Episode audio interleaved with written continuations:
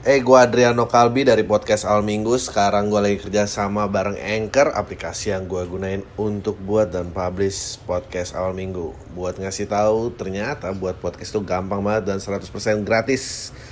Semua yang kita perluin untuk buat podcast juga ada di Anchor, termasuk distribusi ke Spotify dan platform podcast lainnya. Yuk, download aplikasi Anchor dan bikin podcast kamu segera.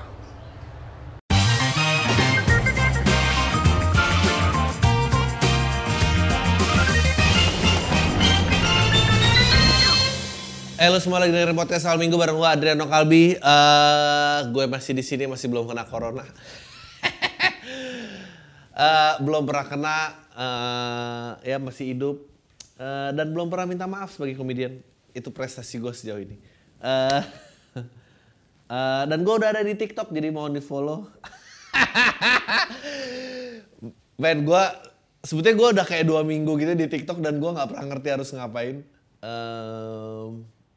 Tapi sejak dari sosial media sih, sejak dari zamannya sosial media, em, everybody keep doing the same joke. Uh, it's the same joke over and over again. Uh, apalagi ya sejak zaman memes memes gitu ya, yang lo tau kan ada raja semua disembah. Um, occasionally lo dapet banget satu yang bagus. Eh, temen gue ada yang gay dia yang raja disembah itu yang kecil-kecil gitu itu kayak merek rokok gitu anjing banget nih. merek rokok apalah EC Sampurna Jarum ini yang raja paling gedenya daging bangsat. That's a good joke tapi sisanya nggak. Ya udah diulang-ulang terus Em, yang lagi sering keluar di eh, kemarin gua dapet tutorial TikTok dari siapa ya? FYP FYP gue kayak FYP apa sih? For your page. Oke I didn't know Em, dia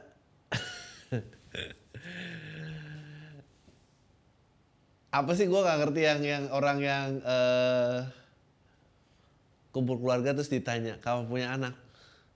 Heh lu pikir kenapa nggak lo aja yang punya anak? Oh gue tahu kenapa. Karena hidup lo tuh pecundang. Makanya lo gak enak. Kalau emang lo pikir punya anak enak lo punya aja sendiri Eh, yang marah-marah sinetron gitu. Ding ding ding ding Um, it's I don't know it's horrible to see. And gue I'm thinking about doing jokes di sana but I don't know how. Seperti biasa lah. Gue ikut clubhouse ya gue bingung harus apa. Eh ya. Gue udah mulai berasa you know apa masa gue ini berakhir. Shit man makanya lu jangan pernah kalau ingin melakukan sesuatu tuh menunda-nunda karena dunia akan berubah before you know it.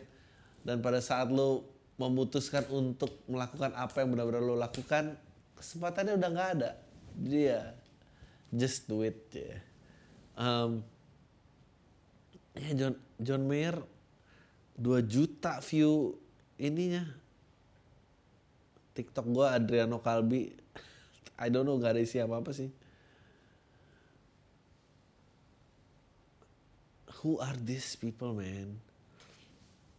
Um, apa lagi ya? Gua gak tahu eh, waktu itu gua gua gue bahkan udah mulai lupa lo masa sebelum corona tuh apa kayak eh, we always see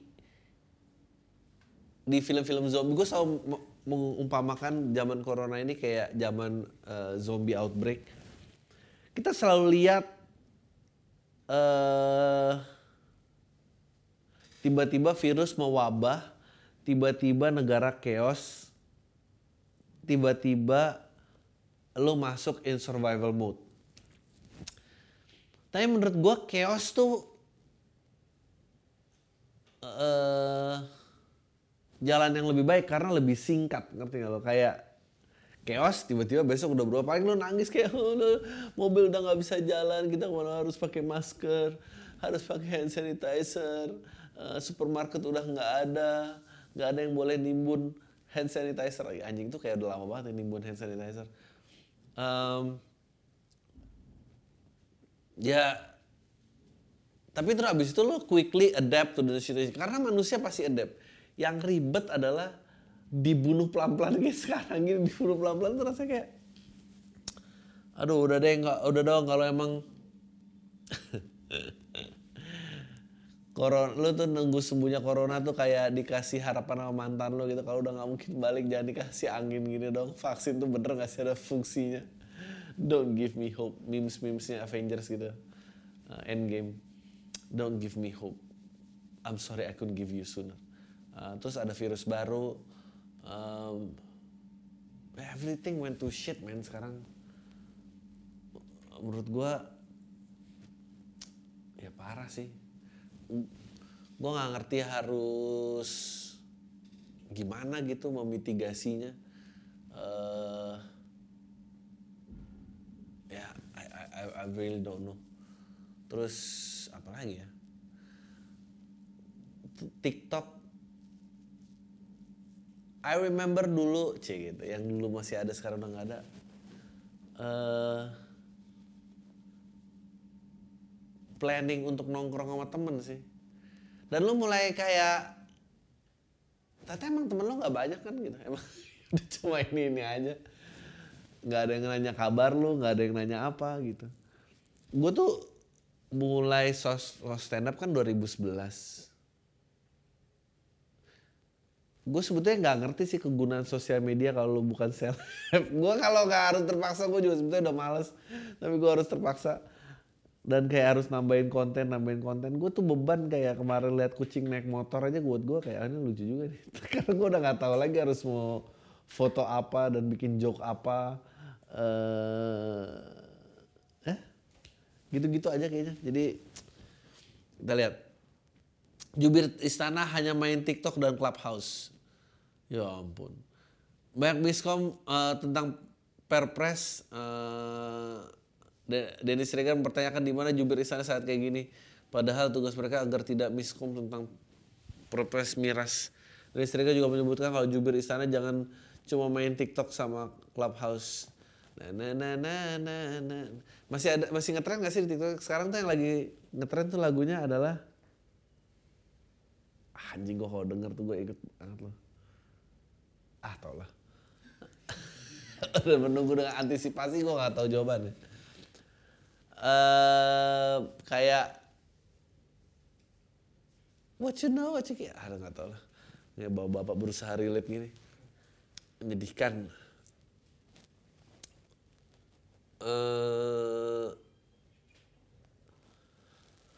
Flu babi di Afrika, flu babi Afrika di Malaysia. Wow, jadi pemerintah Malaysia ini berencana memusnahkan 3000 ekor babi peternakan di hutan karena ancaman flu babi Afrika. Wow, wabah flu babi Afrika itu terdeteksi menjangkiti 300 ekor babi di distrik Pites, Kota Mardu.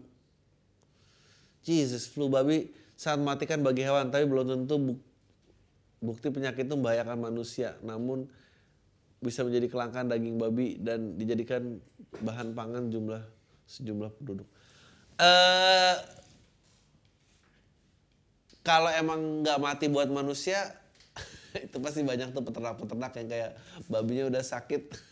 Pain aja pak di sebelah pak cepetan pak. Baru dia mati mendingan si sebelah sekarang masih bisa dijual dagingnya. Karena buat manusia nggak apa-apa. Tapi ya cara-cara kayak gitu kan yang bikin nanti virusnya bermutasi karena virus akan mencari dia akan berubah tergantung hostnya dan bagaimana dia survive jadi ya dia akan ganti-ganti aja kalau terus dia berubah ntar orang manusia ke babi dan segala macam lagi juga ngapain sih di Malaysia punya peternakan babi? Udah tak enggak deng, karena ada ras lainnya. Ya bagaimana dong? Lo emang tapi babi tuh babi tuh kayak lele menurut gua. Le, babinya ikan tuh lele menurut gua apa aja dimakan, apa aja habis pertumbuhan cepat. Uh, ya dia ya oke oke aja gitu. Uh,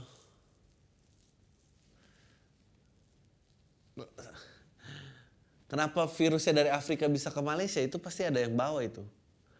Ada yang beli babi pindah ke mana, pindah ke mana, pindah ke mana. Ugh. Nah semua tuh sekarang jadi kayak knowledge tentang virus dan segala macam. Gue tuh dulu nonton World War Z biasa aja loh. Sekarang nonton World War Z gue takut karena itu dekat dengan keadaan sekarang. Enggak, you know, lu mulai nggak percaya orang. uh, terus kayak mulai ngelihat kayak ini orang bisa kayak kalau masuk ke gua menularkan gua apa enggak lu mulai nyingkir-nyingkir orang. Gue mulai mikir kayak ini kalau gue jadi Jokowi sih gue berhenti. Beneran gue berhenti ngapain jadi presiden saat pandemi nggak ada gunanya. Eh tugas presiden paling berat tuh. Tapi ya susah ya. Anaknya juga jadi wali kota. Gitulah. Eh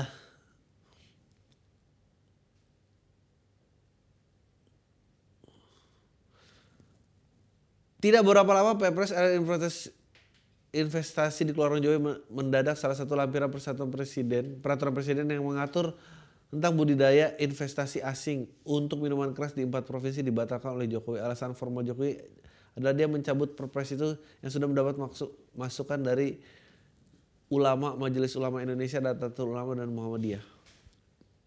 Alasan yang mungkin tidak terlihat oleh publik adalah permasalahan perpres miras ini akhirnya dipelintir ke mana-mana bahkan sudah masuk ke ranah agama. Padahal perpres itu berbicara tentang investasi bukan legalisasi minuman keras. Lanjut banget nih. Ada iklan eh, top berita hari ini. Wanita kaya raya suka berhubungan intim puluhan kali sehari. Oke. Ini baca aja sekarang. ini ini salah satu yang gak pernah dipersiapkan di acara-acara seperti ini. Ayo dong loadingnya, cepetan cepetan. Wanita kaya raya nih suka berhubungan intim berpuluhan kali pasti yang kolam tai mau dengar kan. Mana mau lo denger perpes miras. Orang tuh tentang investasi juga. Aduh lama nih. Nah, kita pindah lagi. Judi pakai dana covid udah. Eh, ada bapak bapak main catur di chess.com ketemu dengan Gotham Chess dia sekaligus master internasional. Terus Gotham Chessnya kalah men. Di Twitch ditonton ribuan orang bapak gue menang menonton Twitch ngambek nuduh bapak gue curang. Terus akunnya diblok kasihan. Bapak-bapak komplek di ya lu sih lagi bawa bap- bawa bapak lu ke sana. Tapi gue nonton Queen's Gambit ya kayak gila catur keren banget tuh. Itu zaman catur kayak zaman waktu Gojek jadi supir Gojek 30 juta tuh nah kayak gitu tuh. Kalau main catur sekarang sih ya semua juga main catur. Tapi dulu tuh kayak penting gitu tuh kayak apalagi Rusia maju kan dulu ceritanya habis perang dunia kedua kan kayak eh, Amerika dan Rusia membuktikan paham negara apa yang bisa membawa manusia terhadap kemajuan gitu. Makanya mereka berlomba-lomba untuk space exploration. Nah eh si makanya manusia dan pintar. Dan makanya juara catur tuh banyak banget dari Rusia. Karena itulah kemajuan manusia gitu. Kalau sekarang mah ya Allah mikir kagak bisa. Menurut gua catur tuh mestinya menjadi standar hidup. Kayak lo umur 6 SD tuh lo bisa berapa? 3 SMP berapa 3 SMA berapa? Kayak lo kalau kecerdasan nggak punya terus dilempar ke dunia nyata mau jadi apa orang itu? Eh ya paling jadi main Twitch atau main TikTok. Ya gitu ya. ting ting ting apa kayak boleh nggak dikerjain pakai harga temen? Anjing lu dulu waktu gue susah ke mana aja? Emang lu temen gue bangsat nggak ada harga temen. Gue nggak ngerti terus orang tuh ngelakuin same job over and over again man gue udah tua aja di marah-marah sama yang kayak gini-gini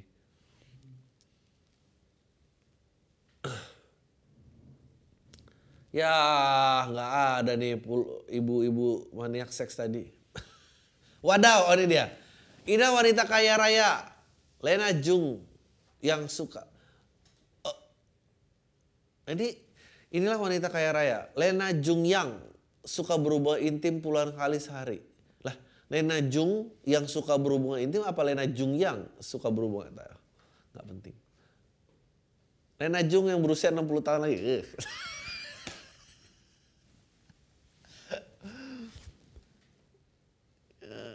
Nenek-nenek centil asal Thailand melewati set, nggak melewati satu hari tanpa benar-benar menikmati hidup secara maksimal. Eh, 60 tahun. There's nothing wrong kalau 60 tahun lo masih having sex sih good lah.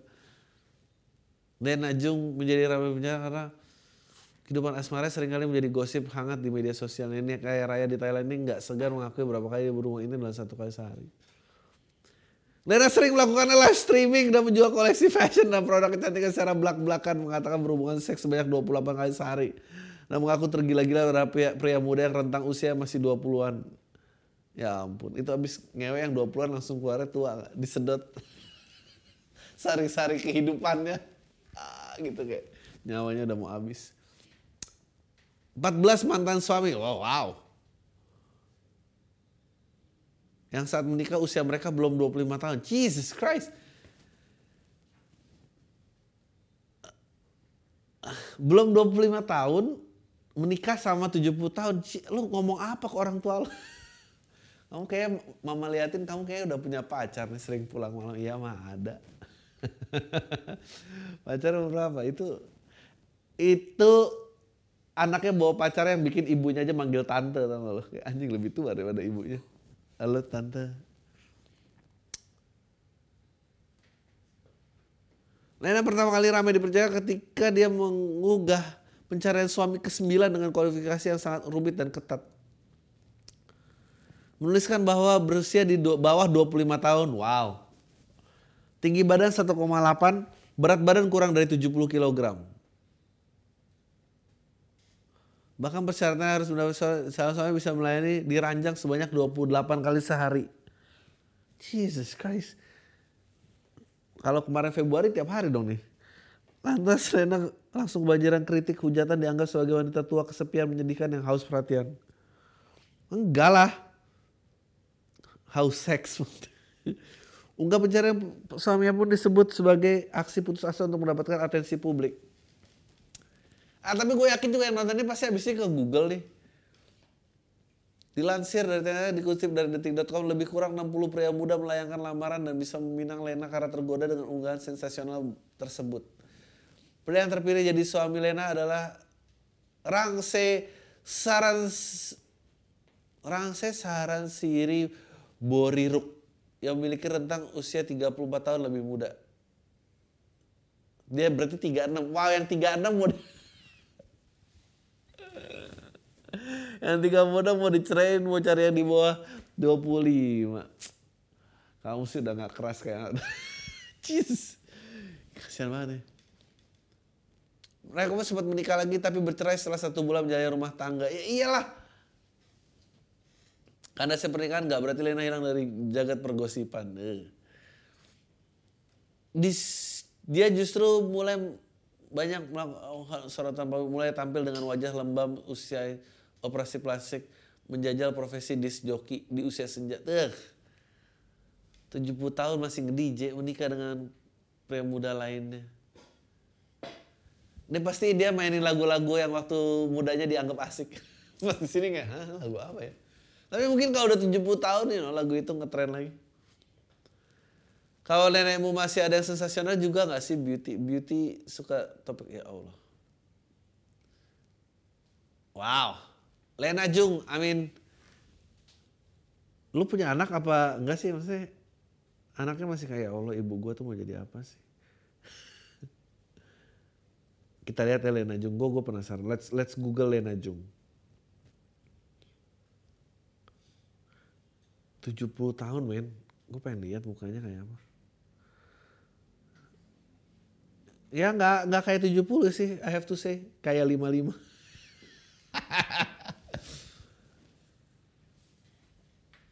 Oh wow. Dia sih dia sih dia sih pasti lama nih hidupnya yakin gue. Oh wow.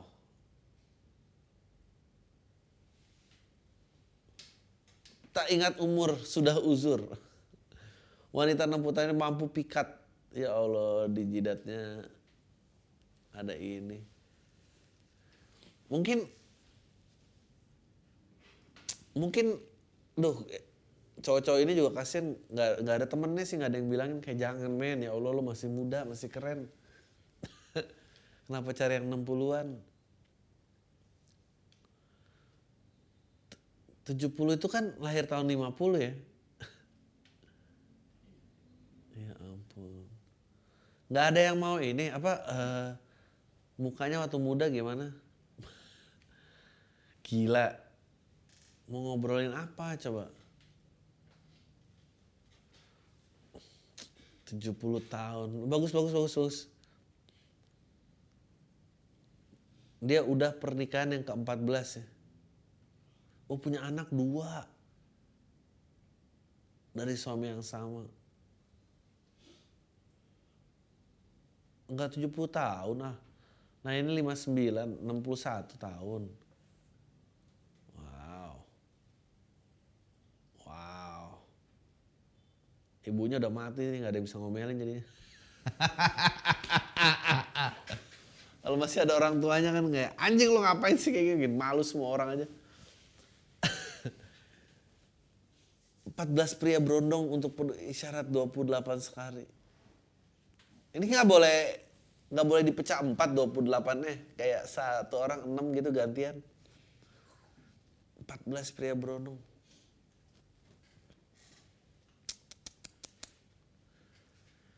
itu itu uh, digajinya kasih amplop tiap keluar apa memang bulannya dirapel? Kalau gue jadi suaminya sih gue minta tiap tiap abis keluar sih dikasih amplop sih. Karena kalau dirapel ntar lupa hitungannya lupa. Enggak orang 29 kok enggak lo 28 anjing. Nggak ada alasan lagi atau enggak dan gue yakinnya suaminya pasti ada kayak bu boleh nggak bu pinjam duit? Nanti ntar aku gantinya pakai hubungan intim deh. Anggap aja advance. Berapa berapa berapa harga lo yang kira-kira akhirnya lu goyah? Ah nggak mungkin kolam tai mah. Di, kalau laki dikasih 5 juta sekali keluar juga abis itu langsung geter mikir kayak oh gila Mio lunas ini lunas. Kalau gue bisa lima kali pasti lu banyak yang lunas nih 5 juta 25 juta lo kapan lagi? Nggak pakai mikir. Ya pakai mikir sih karena yang paling berat tuh pasti kayak kamu tuh kalau bersetubuh kok nggak mau ngeliatin aku lihat aku dong saya bukan kok kalau ngeliat lo hilang di konsen gue bukan apa-apa. Ntar lu marah lagi tiba-tiba gue lemes di jalan. Udah kasihan banget nih. Jok-jok om-om gini ini mengaku sanggup berhubungan seks 28 kali ya iyalah sanggup orang lo tinggal tiduran mau bayar yang harus kerja nih gimana uh. itu yang daftar tuh ada ketemu teman kecilnya nggak ya? Lu, di sini? Lu ngapain di sini? Enggak bang, gue mau jemput anaknya aja bukan macarin ibunya. Eh, tapi nggak apa-apa. If if you're happy, you know, good for you Lina Jung. Tapi gue yakin kalau bokepnya keluar juga laris. Wow, dia cuma ikut nge-follow tiga orang, ngapain lagi? gue lihat siapa yang dia follow yang di follow juga pasti nggak bangga followersnya cuma empat ribu ini pelamar semua pasti ini ini DM kayak apa tuh lo ngapain men? Lo bayangin ya 61 tahun aja dia bisa dapetin siapa yang mau didurin gue eh didurin dia. Lo 20-an ngomong sama orang yang lu suka aja nggak bisa emang loser lu loser. Dia pandemi men nyari suami baru bisa. Lu tuh nggak bisa apa-apa emang nggak ada bagus-bagusnya. Ngapain sih orang-orang masih dengerin ini setelah lima tahun lamanya? Uh, udah berapa menit ya Oh bagus lah dua tiga alhamdulillah. Uh,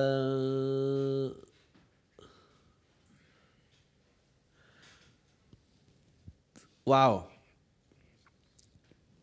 Ibu pergoki putrinya berbuat mesum dengan pacar bukan yang menegur malah ikutan main. Videonya viral. Keywordsnya apa nih?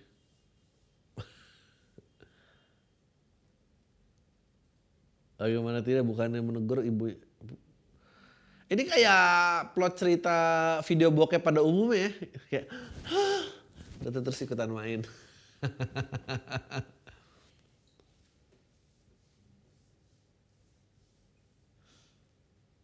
Anehnya juga aksi zina yang dilakukan si ibu juga sengaja meminta video kedua anak keduanya. Sengaja meminta anak keduanya merekam hingga video tersebar. Video amoral yang tersebar luas ini antara ibu kandung, ibu, anak kandung dan pria lain meresahkan masyarakat.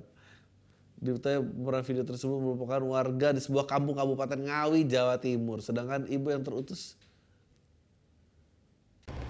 Eh, hey, gue Adriano Kalbi dari podcast Al Minggu. Sekarang gue lagi kerja sama bareng Anchor, aplikasi yang gue gunain untuk buat dan publish podcast Al Minggu. Buat ngasih tahu, ternyata buat podcast itu gampang banget dan 100% gratis. Semua yang kita perluin untuk buat podcast juga ada di Anchor, termasuk distribusi ke Spotify dan platform podcast lainnya. Yuk, download aplikasi Anchor dan bikin podcast kamu segera berstatus bertatus dari sehari-hari bekerja sebagai tukang pijit.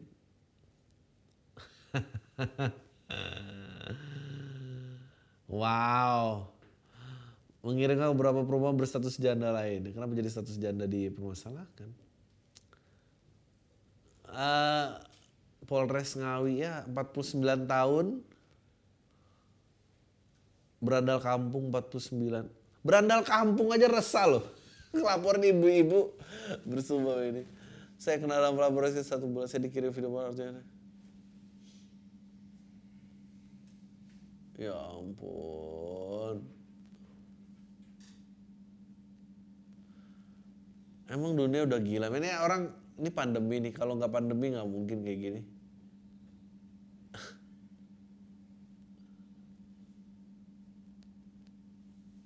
ya ampun. Gua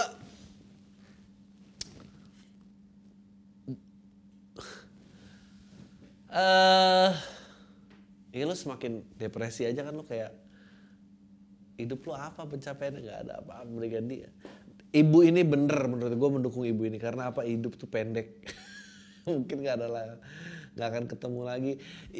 Ibu-ibu tukang pijat. Tukang pijat tuh salah satu profesi yang masih masih lama banget pulihnya karena pandemi. Musisi dan artis saja udah bikin petisi dan segala macam bikin pertunjukan. Persatuan ibu-ibu pijat biar dikasih pengecualian sama presiden biar bisa beroperasi itu nggak mungkin terjadi. Tidak ada dong. Ya apa lagi pilihannya selain main bokep?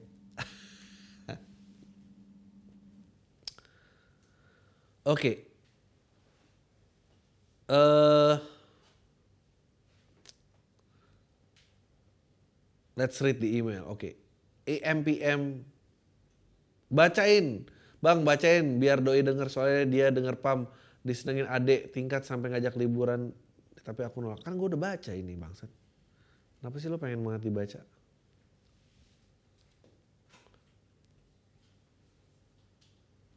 oke okay. Halo bang, gue udah pacaran sama cowok lebih tua 5 tahun dari gue dan sekarang udah 2 tahun. Dia anak yang baik sih, rajin ibadah dan sopan banget sama ortu dan keluarga. Dia juga jelas banget bucin sama gue dan kayak kelihatan banget dia ngehold gue banget. Meskipun gitu gue suka nggak nyaman deket dia kayak gitu. Gue pernah selingkuh dengan cowok yang lebih kaya dan mapan tapi gue balik lagi karena cowok selingkuhan gue pendek banget. Ya Allah. Masa lebih pendek dari gue bang? Tinggi gue aja nggak sampai 160 kan sedih ya. Tapi itu cowok agak creepy juga menurut gue dia suka simpen-simpen foto kiriman dari cewek-cewek yang pernah PDKT sama dia dan gak dihapus sama sekali. Terus ya udah gue minta maaf dan lanjut sama cowok gue Kenapa jadi lo yang minta maaf? Gue pikir sejak itu gue bakal tobat. Ya tobat si selingkuh belum tobat ngajak putus. Udah empat kali gue ajak putus. Tapi terus eh batal terus karena gue nggak tega akhirnya karena gue kasihan. Dan ya bahkan dia pernah mau self harm. Ya udah bikin gue mundur-mundur terus. Gue nggak tahu apakah ini udah termasuk toksik nggak hubungan gue. Termasuk toksik dong. Anda rela berselingkuh sama orang pendek. Apalagi kalau bisa lebih baik ya kenapa enggak. Cuma yang jelas gue udah rasanya pasrah banget sama hubungan itu. Ortu gue dan keluarga besar gue udah akrab sama dia udah gitu bang. Ya ampun kasihan banget. Ya mendingan nama yang pendek tapi kaya tadi dong. Uh, tolong Bang Adri baca. Oh, tolong stop bacain email email porno cinta-cintaan dan nggak penting.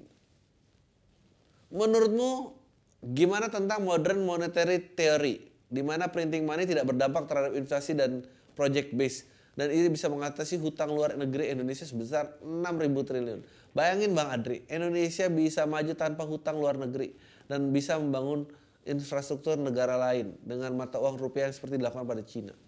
Cina membangun infrastruktur negara pakai lain pakai yuan. Gila nggak bang? Hancur Indonesia kebanyakan utang.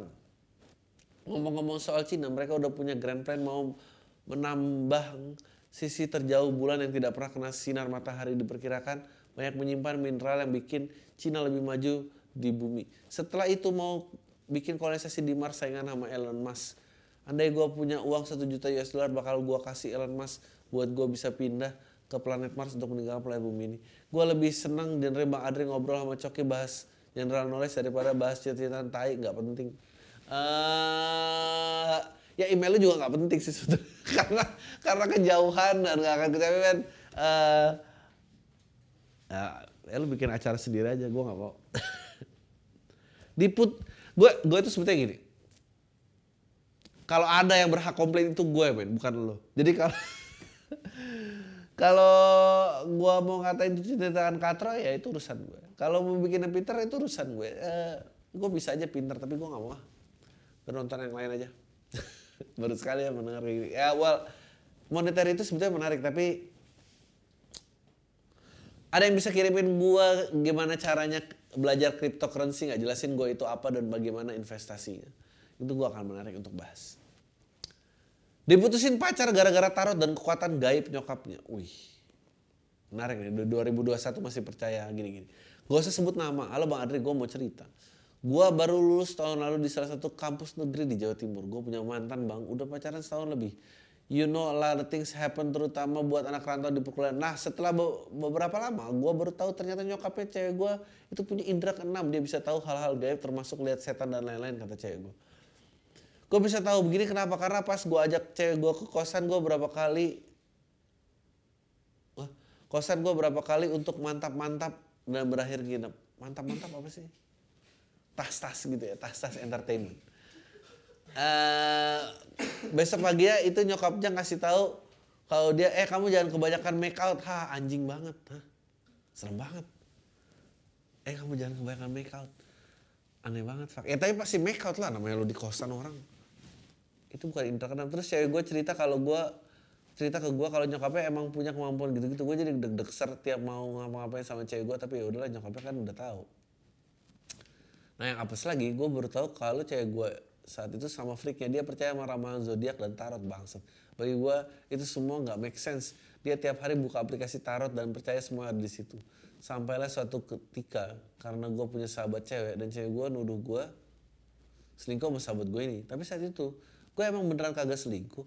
Pernah sih ada satu kesempatan di satu momen gue bisa embat bibirnya. Cuma nggak gue lakukan karena gue sayang sama cewek gue eh akhirnya cewek gue nanya ke nyokap Ce cewek gue ngasih foto sahabat gue itu dan nyokapnya bilang iya bener dari mukanya. Si cewek ini suka banget sama dia.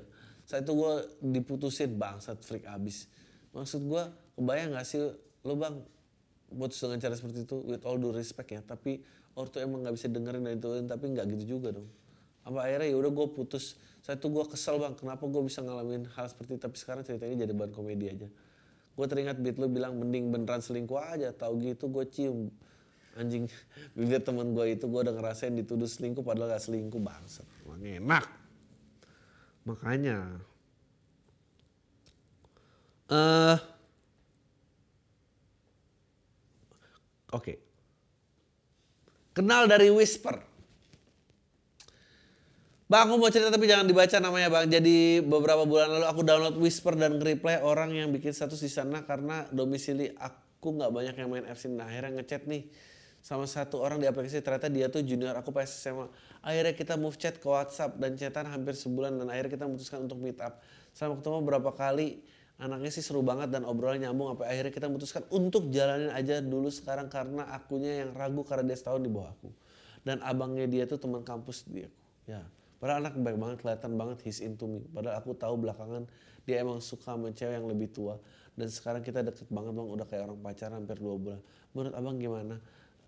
Aku lanjutin atau enggak? Apa cuma karena setahun di bawah aku? Ya elah setahun, cium aja dulu berasa adek apa berasa pacar. Kalau nggak ini baru kayak baru Baru kalau berasa ade jangan putusin lah. Tapi nggak mungkin lah. Mendingan lo cium adeknya habis itu jalan sama abangnya. Hmm, lu nggak tahu kan adek lo habis gue cium. Eh. Bokap gue star syndrome, oke. Bang, mudah-mudahan lo baca ya. Jadi bokap gue udah setahun ini karena pandemi nganggur. Dia dulu jualan mangga, semacam pengepul gitu. Di kampung di kampung nampung mangga-mangga dari petani. Terus di packing dan dikirim ke pasar-pasar atau supermarket. Tapi karena pandemi, kebutuhan buah-buah di pasar menurun drastis. Pasar pada sepi dan dia memutuskan untuk vakum dulu jualan mangganya. Banyak dapat cerita dari teman-temannya sama pengepul mangga di tahun 2020 kemarin. Banyak yang merugi. Nah, itu ya bokap gue emang dari dulu hobinya tanaman dan kemarin vakum jualan akhirnya mulai lagi hobi tanamannya.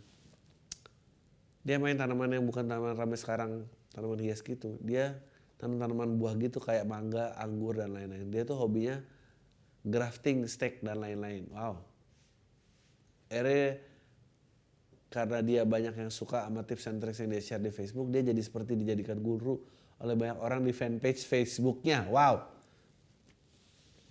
Sampai akhirnya dia bikin channel YouTube dan sekarang jadi YouTuber baru sekitar 4 bulan dan baru 700-an subscriber. Viewers juga masih dikit. Tapi tiap hari di rumah ngomong, papa nih artis jangan salah loh. But you know what's funny? What's funny gue baru sekali baca kalimat itu dan gue langsung tahu nadanya nada bawa bapak gitu. Eh bapak kamu nih artis loh jangan salah. Dengan goyang-goyang godek-godek kecil gitu. Fuck lah.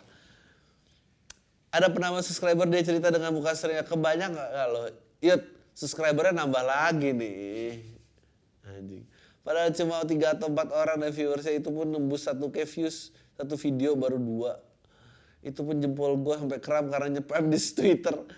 Menurut lo gue harus gimana untuk menyadarkan bokap gue dari star syndrome ini mulai annoying soalnya bang. By the way selamat buat lo yang mulai fame. Ah, I... apa nih art? Nah, kamu nggak tahu aja. Iya gini YouTube YouTube apa ngerti? Sedih banget, sedih banget. But, you know, tapi gue sebetulnya pengen lo belajar stem dan stack dan segala macam gitu-gitu. Ya ya gitulah gue nggak tahu nggak perlu disadari men biarin aja daripada dia minta duit ke lu mau ngomong apa lu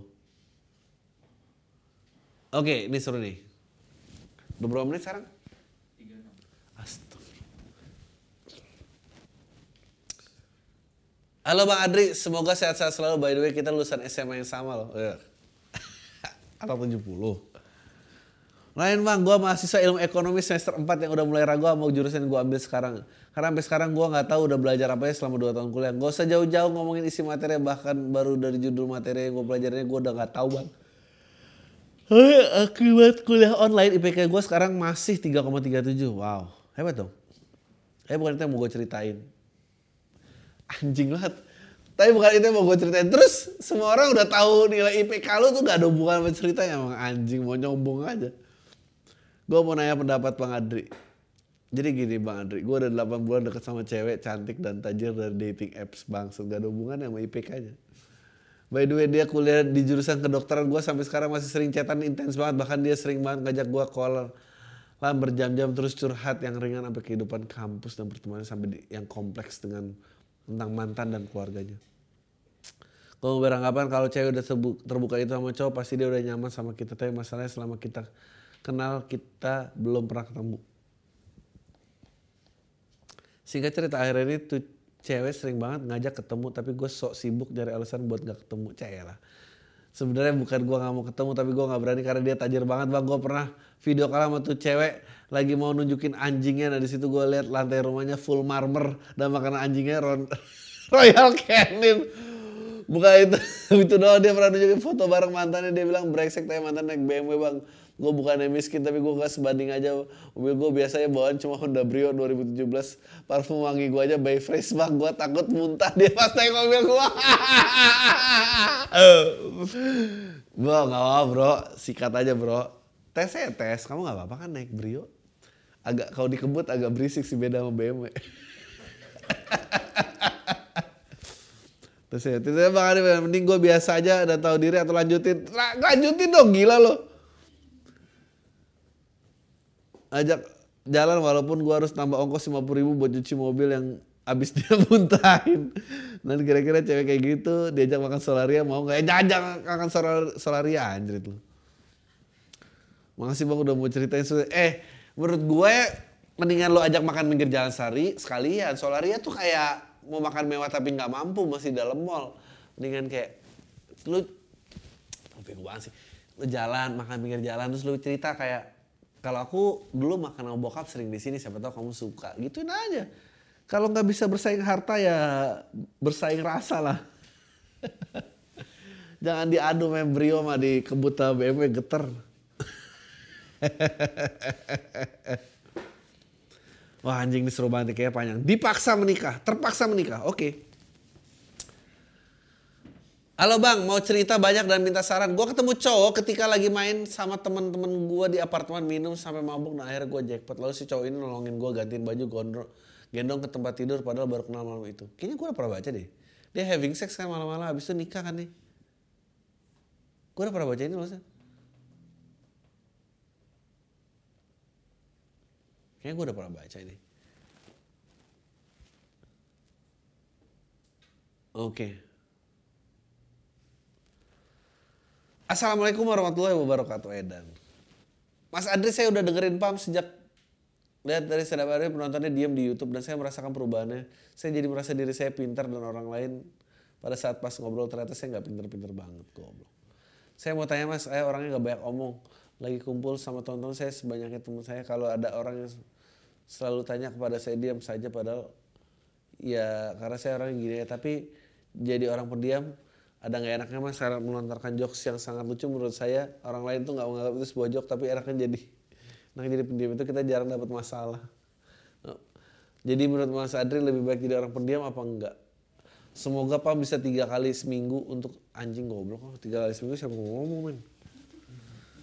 Um, eh nggak tahu ya pendiam kayaknya gue juga banyak diamnya sih. Gue kalau tapi kalau gue diam tuh kalau di lingkungan kayak kayak ini gue ngomong juga nggak ada gunanya nggak usah lah. Um, dan gue juga sering banget kalau orang nggak kenal gue kayak eh ya apa ya? Males gue ngejok-ngejok gue paling nggak bisa juga kayak selalu rame-rame. Gue pasti diem-diem doang gitu. Gue ngobrol berdua tuh gue bisa tapi kalau rame-rame nggak bisa. Lo gini aja pakai nanya lo anjing tuh Mbak Adri ak- tolong disensor. Oke aku perempuan 25 tahun karyawan biasa di perusahaan kecil di daerah Jakbar. Aku menjalani relationship selama 11 tahun. Eh, dari 14 tahun. Aku dan pasangan tumbuh bersama merasa sangat cocok ingin menjalani hidup bersama. Yang berarti kita harus menikah dan agar urusan administrasi sosial dan lainnya bisa dimudahkan. Namun masih ada satu hal yang mengganjal. Aku memutuskan tidak beragama sejak 2015 lalu. Hal ini berdampak pada urusan hubungan personal kami tapi kurasa tapi kuras tidak berdampak. Oke. Tapi kurasa akan jadi masalah nantinya pada kehidupan rumah tangga. Mau tanya jika kamu seorang agnostik yang tinggal di Indonesia apa yang kamu lakukan? Misalnya kamu sudah menemukan pasangan yang cocok kamu berkompromi dan menerima yang tidak beragama meskipun dia seorang muslim apakah kamu menikah dengannya? Mengingat pernikahan melibatkan keluarga dan lapisan sosial em, apakah kamu rela berpura-pura menjadi muslim demi meredam konflik yang bertensi terjadi di antara pasanganmu dan keluarga? Atau kamu lebih memilih berterus terang tentang kepercayaan sebenarnya terima kasih well menurut gua eh, yang penting itu adalah eh gue lebih percaya dengan keimanan yang satu level. Jadi kalau seagama tapi beda tingkat keimanan itu juga masalah. Jadi kalau sama-sama nggak peduli agama, ya agama beda nggak apa-apa. Toh sama-sama nggak peduli gitu. Gue sih mendingan yang kayak gitu ya. Em, dan menurut gue, lu mau mewujudkan rumah seperti apa, keluarga lain dan apa segala macam terserah lah nggak penting menurut gue. Tapi yang penting itu lu, lu berdua kayak apa. Kalau dia maunya jadi menjadi keluarga yang konservatif ya lu nggak bisa ada di situ sih menurut gue. Gitu ya. Oke, berapa menit? Oke, satu lagi ya. Capek gue. Halo bang, ini pertama kali gue punya keinginan buat ngirim email ke Pam setelah sekian lama denger asli gue udah ngikutin Pam dari masih di SoundCloud dan YouTube dengan backgroundnya logo gedung BNI terus masih ada sering dialog lo ada ada ada ada apa nih tiga tahun apa sih oke Tiga tahun terakhir udah dua kali bisnis gue berhenti di tengah jalan yang kayaknya gara-gara gue bisnis F&B bareng temen sok pintar yang hidupnya teori-teori bisnis dari kampung doang, dari kampus doang. Tapi kalau disuruh ke toko buat kontrol alasan banyak banget mau gue jalanin sendiri di toko tapi fix costnya gede banget nggak kuat dompet gue. Akhirnya bisnis berhenti tersebut tepat sebulan setelah covid mencapai negeri Nah bang yang ajaib ada lagi teman gue yang luar biasa ini nggak tahu pasti ya bang ini kelihatannya orang anak tajir kali di daerah asalnya tapi setelah dia kuliah dan pindah ke kota jauh lebih besar dan maju ternyata banyak yang jauh lebih hebat daripada dia. Makanya dia berusaha banget buat kelihatan tajir dan segala macam depan gue dan teman-teman lain. Tapi karena hal tersebut, tiap ke klub dia selalu nawarin diri buat bayarin sebagian billnya. Paling kalau ada cewek, wah makin show off dia. Tapi satu hal yang paling ajaib dari dia adalah jika ada yang laporin ke gue kalau dia nyomot instastory gue lagi latihan nembak, terus dia post ulang tuh video ke WhatsApp story dia, tapi badannya gua ditutupin biar circle-nya hah Mas Sorry ngira dia yang lagi latihan terus captionnya biasa nembak orang jadi grogi nembak ginian cek bangsat nih orang. Hah? Aneh banget nih orang. Yang gua kaget adalah kak karena ada ya anak muda yang main WhatsApp story jangan-jangan buat di show off ke teman-teman di daerahnya. Gue jadi penasaran. Duh bangsat gue jadi kasihan. Susah itu apa orang bersaing di kota? Kapan-kapan gue tanya. Menurut lo mending gue konfront aja apa gue biar aja bang? Tapi gue rada takut makin parah soalnya dia ambil foto muka temen gue terus jadi foto profil micetnya dia tapi orangnya nggak enakan segitu aja bang ya menurut gue gak usah dikonfront sih. Menurut gue jadi bahan lawakan aja. Mau diapain lagi orang kayak gitu? Foto lo lagi latihan nembak video diganti mukanya lo gitu. Atau lagi nembak foto diganti mukanya lo terus captionnya biasa nembak orang nembak gini jadi grogi gitu. Gila kali dari kota Tarakan Kalimantan Utara gue mau curhat bang. Gue lagi kuliah semester jurusan hukum baru semester satu tapi gue gak nyaman banget capek banget gue kuliah. Gimana ya? Di keluarga gue gak ada sarjana bokap gue cuma sampai semester akhir tapi gak dapet ijazah S1 kakak gue juga persis kayak gitu. Kakak gue satu udah nikah mama gue juga gak kuliah juga. Gue ngerasa ada kewajiban untuk kuliah tapi gue capek banget. Tugas-tugas kuliah bang. Gue malas ngebareng bokap dengan biaya kuliah gue saran bang bagusnya gimana? Bang, kuliah lah goblok. By the way kalau ada duit gue pengen beli digital download lu bang. Udah gitu aja Semoga podcastnya aman terus soalnya isinya kalau nggak nggak bahas dark ya bahas kalau politik. Makasih ya. Iya kuliah kuliah. Udah itu aja. Tayal. Udah capek gua. Deh.